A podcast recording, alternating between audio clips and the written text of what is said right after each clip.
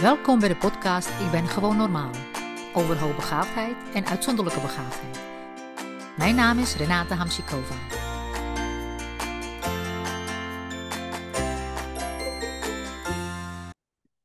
Goedemorgen. Ik heb uh, vandaag misschien een beetje andere boodschap of andere ideeën wil ik met je delen dan normaal gesproken. En dat komt uh, na aanleiding van de eerste groepscoaching met vrouwen die afgelopen vrijdag uh, plaatsvond. Good girls go to heaven, intelligent girls go anywhere. Uh, maar ook naar aanleiding van een aantal gesprekken met volwassenen, uh, hoogbegaafde volwassenen, dat te verstaan, die vastlopen in hun leven en die dan aan het zoeken zijn waarom ze vastlopen, waar het hem in ligt en hoe ze ja, weer verder kunnen. Zonder dat ze daar ziek van worden, zonder dat ze zich ongemakkelijk voelen. Besef je hoe krachtig je eigenlijk bent? Het, het, is, het is veel groter dan een onderwerp van kracht en uh, macht. Maar we leven in, uh, in, een, in een belangrijke tijd van uh, menselijke geschiedenis. En van de menselijke ontwikkeling. We voelen het en we ervaren het. En al het leven is in een transitie. En de belangrijkste boodschap is dat wij de motor van onze eigen schepping zijn. Dat is één zin, maar besef dat er in die zin uh, heel veel besloten zit. Maar wat ik bedoel met dat we de motor zijn van onze schepping, van onze werkelijkheid, uh, daarmee bedoel ik dus dat je ideeën, je gedachten, hoe je over jezelf denkt, hoe je over de omgeving denkt, hoe je, hoe je uh, wat voor verwachtingen hebt van anderen, uh, wat je jezelf gunt of niet gunt, uh, dat heeft allemaal invloed op jouw werkelijkheid. En op die manier schep je dus, vorm je je dagelijkse werkelijkheid. En ik merk dat het onderwijs uh, volledig uitgekleed is. Uh, afgelopen jaren, een paar jaar nog meer uitgekleed geraakt dan daarvoor. En kinderen leren niet wat ze nodig hebben om te leven. Ze leren niet wat ze in de 21ste eeuw nodig hebben. Ze hebben vaardigheden nodig om zich uh, nooit, en echt nooit, nooit, nooit, een slachtoffer te moeten voelen. Volwassenen moeten bewustwording bij zichzelf aanwakkeren dat zij nooit bedoeld zijn een slachtoffer te zijn. En dat aan de kinderen te leren. Je kunt niet een slachtoffer bewustzijn hebben tijdens de schepping van je eigen werkelijkheid, want dan schep je de werkelijkheid van een slachtoffer. Je kunt niet schuld en verwijten hebben tijdens die schepping. Waarom? Omdat alles energie is en omdat jouw gedachten je werkelijkheid vormen. En kinderen intelligente, intense, hooggevoelige, uh, sensitieve kinderen, die voelen dat, die weten het. En die voelen die enorme discrepantie tussen wat zij voelen, wie ze zijn, en wat de maatschappij, wat de omgeving doet. ze doen alsof, en wat, wat van hen verwacht wordt.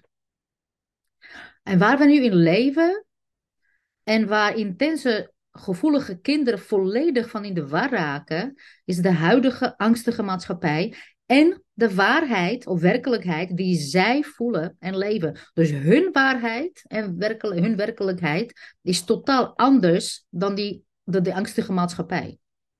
Ze leven in feite in twee werelden. En als jij terug naar jezelf gaat, dan zal je het ook weer voelen. Dan zal je de werkelijkheid voelen, de natuur, de, de natuur in jezelf en je natuurlijke intelligentie.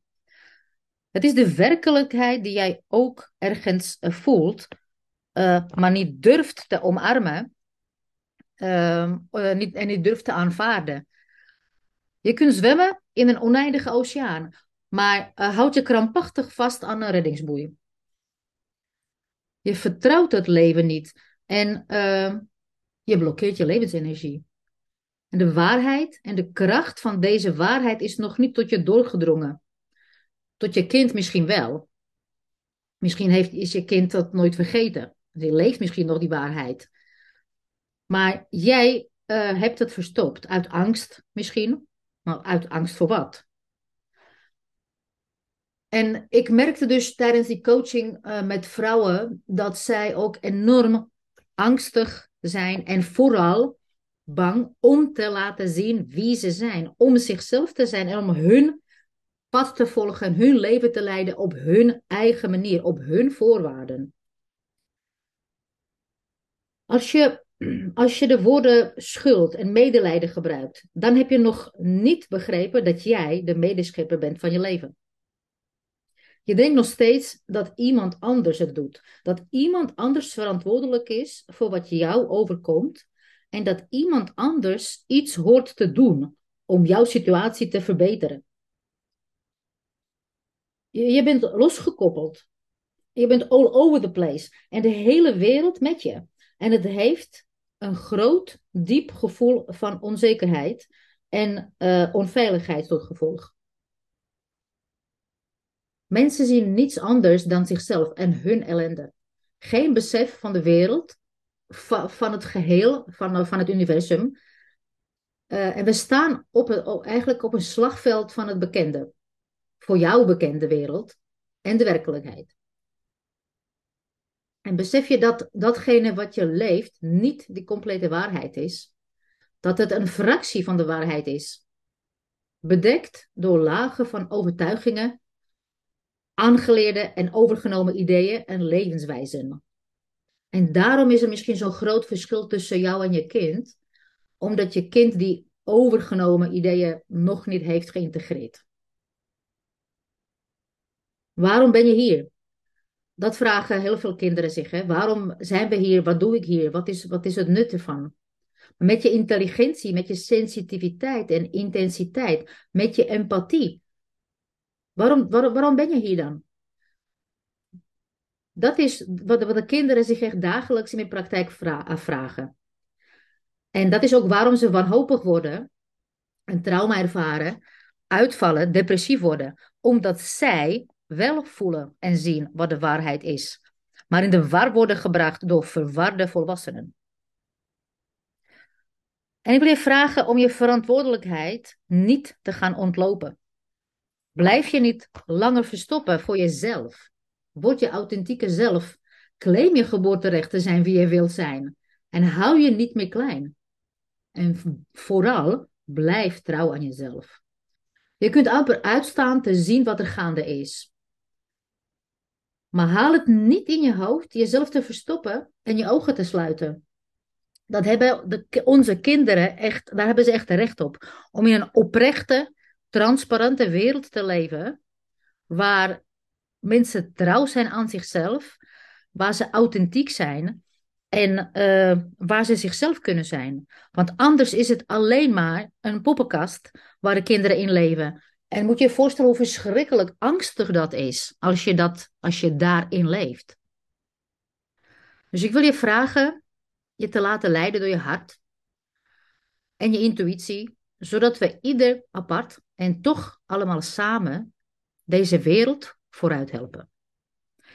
En als je daar inspiratie of hulp bij nodig hebt, dan heb ik voor de zomervakantie en zeker ook na de zomervakantie in het nieuwe schooljaar heel veel nieuwe masterclasses, inspiratiedagen en uh, uh, nou, trainingen om je hierbij te helpen.